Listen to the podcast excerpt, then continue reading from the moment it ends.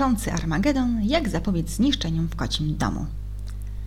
Jeśli mieszkasz z kotem, który pod Twoją nieobecność urządza sobie w domu dzikie harce, zapewne próbowałeś już różnych sposobów na to, by ocalić swój dach nad głową od totalnego zniszczenia. Dzielenie wspólnej przestrzeni z żywiołowym mruczkiem potrafi być w pewnych sytuacjach dla opiekuna naprawdę wyczerpujące. Cierpliwość wystawiona na kocią próbę. Zdarza się, że kot niszczy kwiaty czy zrzuca szklane wazony.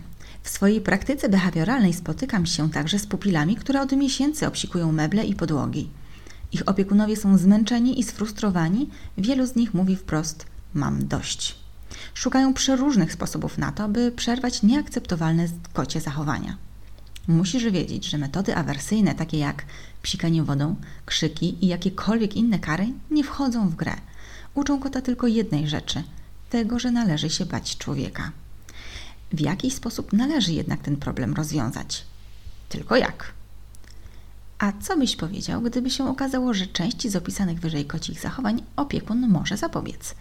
Sprawdźmy, jak zabezpieczyć domowe przedmioty tak, by kot ich nie uszkodził. Niszczenie kwiatów. Nie tylko ludzie doceniają atrakcyjność kwiatów. Koci domownicy, ku rozpaczy opiekunów, chętnie wchodzą z nimi w bliższy kontakt. Zrzucają doniczki, kopią w ziemi oraz obgryzają liście. Najprostszym sposobem na to, by kot nie strącił kwiatów z wysokości, jest przygotowanie dla niego wygodnego legowiska na parapecie. Dzięki temu, że dasz swojemu pupilowi możliwość obserwacji i zaoferujesz mu wypoczynek na wysokości, nie będzie musiał on rywalizować o należną mu przestrzeń z roślinami. Jeśli to nie pomaga, zamykaj kwiaty w pomieszczeniu niedostępnym dla kota. A co zrobić, gdy chcesz uniknąć rozkopywania doniczek? Najczęściej mruczki kopią w ziemi, żeby ukryć w niej swoje odchody. Zadbaj o to, by obecna kuweta była przystronna i atrakcyjna. Przyjrzyj się jakości i strukturze żwirku, z którego kot korzysta na co dzień. Sprawdź, czy nie jest on drażniący dla kocich łapek. Możesz również zastosować specjalne osłony zabezpieczające na doniczki. Jeśli obawiasz się, że Twój kot będzie zjadał kwiaty, przygotuj dla niego kocią trawkę przykład owies, jako alternatywę. Koniecznie sprawdź, czy nie masz w domu trujących dla kota kwiatów. Strącanie przedmiotów. Czy zdarzyło Ci się, że szklana figurka lub świecznik zemdlały po kontakcie z kotem? Opiekunowie często skarżą się na to, że ich mruczek zrzuca cenne rzeczy ze stołów, szafek oraz parapetów. Może się okazać, że nasz pupil wybiera taką formę aktywności, bo się zwyczajnie nudzi. Z braku innych aktywności wybiera niewygodny dla ludzkich domowników sposób na spędzenie dnia. Jeśli chcesz uniknąć tego problemu, zadbaj o codzienną dawkę ruchu dla swojego kota w zabawie i poświęcaj mu czas. Dodatkowo rozważ ograniczenie liczby przedmiotów w miejscach łatwo dostępnych dla kociego domownika. Takie rozwiązanie ma podwójną korzyść. Nie tylko zmniejszysz ryzyko zniszczeń, lecz także sprawisz, że wnętrze wyda się gościom bardziej przestronne. Pamiętaj, że nie chodzi wyłącznie o zabezpieczenie ulubionych bibelotów, ale stawką jest zdrowie i bezpieczeństwo pupila. Lepiej nie wyobrażać sobie, w jakim stanie moglibyśmy zastać kota, który przez kilka godzin przebywał sam na sam z potłuczonym szkłem.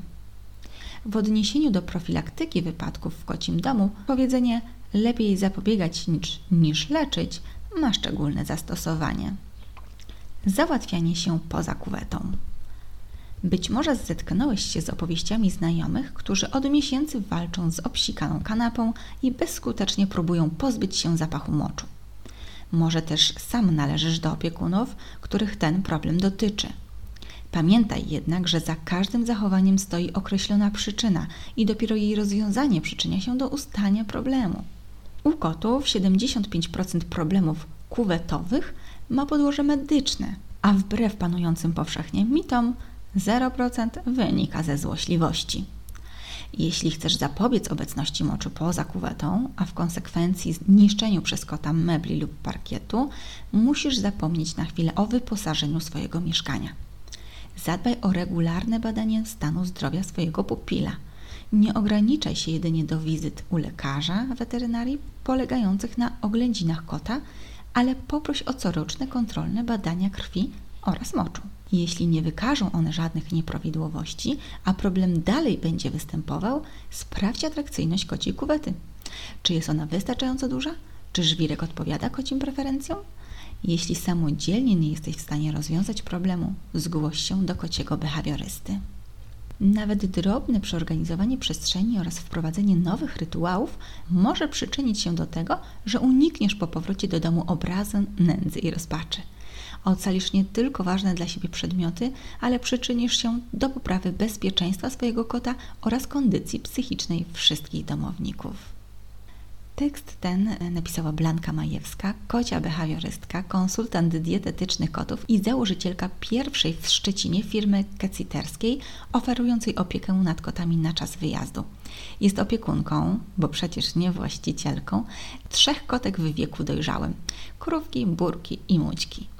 Wierzy w magię drobnych zmian w życiu codziennym. Zachęca opiekunów do działań profilaktycznych, które zapobiegają występowaniu problemów behawioralnych w kocich domach miłośniczka karaoke, lasów pełnych grzybów i zup wszelkiego rodzaju. Czytała Agnieszka Guła.